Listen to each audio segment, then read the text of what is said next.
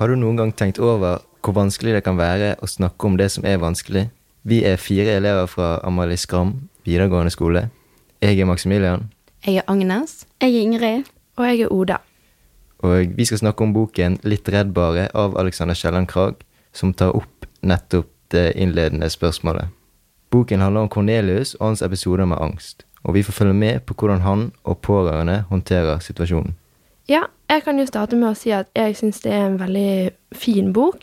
Den tar opp et eh, veldig dagsaktuelt tema, fordi den både kan passe for pårørende og personer som selv har opplevd angst. Ja, det er et veldig dagsaktuelt eh, tema, og det jeg likte, er liksom at den starter med hovedpersonen som begynner å få episoder med angst, og det første på en måte som skjer, er at legen kaster ut noen medisiner og går veldig til raske konklusjoner, da.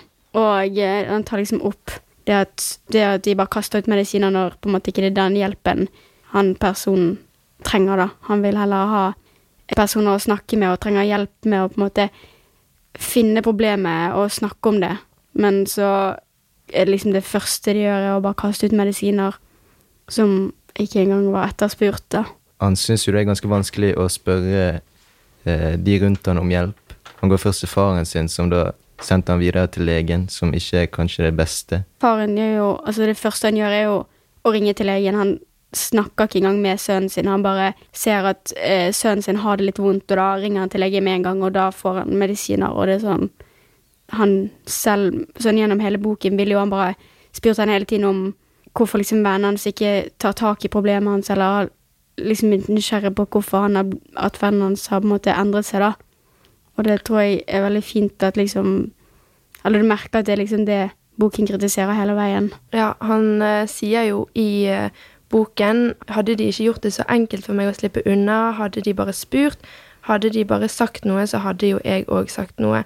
Um, som igjen oppsummerer litt det vi mener er Det er veldig fint at liksom man tar opp det temaet med at det er så lett å skjule at du har det vondt.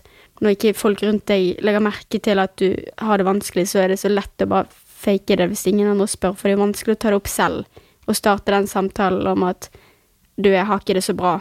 også viktigheten i å liksom høre med de rundt seg hvordan det går. Og selv om de kanskje sier ja, det går fint, det er ingenting, så kan man jo merke at kanskje de oppfører seg litt annerledes og sånn. Og viktigheten i å på en måte kanskje grave litt dypere, for det er vanskelig for personen som sliter, og ta det opp og innrømme at ja, jeg har det vanskelig, og jeg trenger hjelp. Det er jo litt kritisk til liksom, eller med boken, er at du får på en måte lite sånn innblikk Eller du får innblikk i hvordan de her angstanfallene er, men du får aldri Jeg kunne ønske det var litt mer varierte skildringer, for du får på en måte høre det at det er storm i brystet og sånt, men jeg vil på en måte ha litt andre Altså, det er et fint bilde, sett et fint bilde på hvordan det kan være, men jeg har lyst på flere typer skildringer. Det ble veldig gjentagende, og du fikk på en måte Det gjorde det på en måte litt kjedeligere å lese, da. Ja, det kunne jo vært interessant å lese mer om tankene til hovedpersonen, og hvilke tanker som på en måte suste gjennom hodet når han fikk disse angstavfallene. Selv om det kan være at det var litt meningen, fordi at når man opplever sånne episoder med angst, kan det være veldig vanskelig å sette ord på alle tankene man har, og hva man føler. Jeg syns boken var ganske overfladisk, og du fikk på en måte aldri skikkelig sånn dype innblikk i hvordan det kan være, da. Og jeg Det var litt det jeg leitet etter, men samtidig så kan det være positivt, for at på en måte den boken kunne blitt litt eh, for psykologisk, og derfor treffer han på en måte litt mindre målgruppe, og hvis han er mer overfladisk, så blir han litt mer sånn generell og kanskje treffer litt flere, og da kommer jo budskapet ut til litt flere folk, da. Men eh, et lite sånn kritikk til boken er jo at han tar kun opp én type angst, og det fins jo angst i flere ulike former. Og selv legen sa liksom at det hovedpersonen sleit med, det var at han hadde episoder med angst, som tar ikke opp selve sånn angst. Ja, at det er jo flere typer angst, og i boken så spesifiserer han aldri hvilke type angst det er, noe som kanskje kunne vært lurt, da. Ja, vi sitter igjen med ganske mange sånne spørsmål på en måte om sånn Eller vi fikk aldri sånn skikkelig svar. Det var bare sånn at han hadde et par episoder med angst, men det var på en måte det, liksom det nærmeste vi kom til et svar på hva som var problemet. Jeg var litt interessert i å få vite om eh, hva slags type angst det her var, da, og man satt igjen med litt spørsmål, da. Så tar vi en liten spørsmålsrunde. begynner med hvilken karakter likte dere best?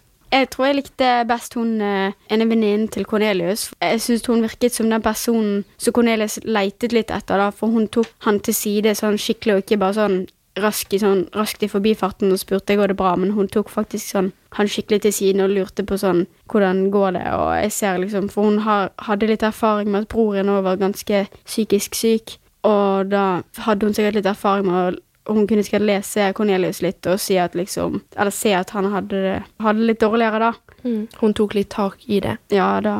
Jeg likte hun ganske godt. Jeg likte egentlig hun som Cornelius var litt forelsket i. Fordi at i en sånn situasjon, da, når Cornelius følte seg veldig sånn ukomfortabel og stresset, og det gikk utover hun, så sa, holdt hun seg rolig og på en måte grep tak i problemet og sa at du, det går bra, heller enn å bare løpe vekk og være stresset, skulle jeg til å si.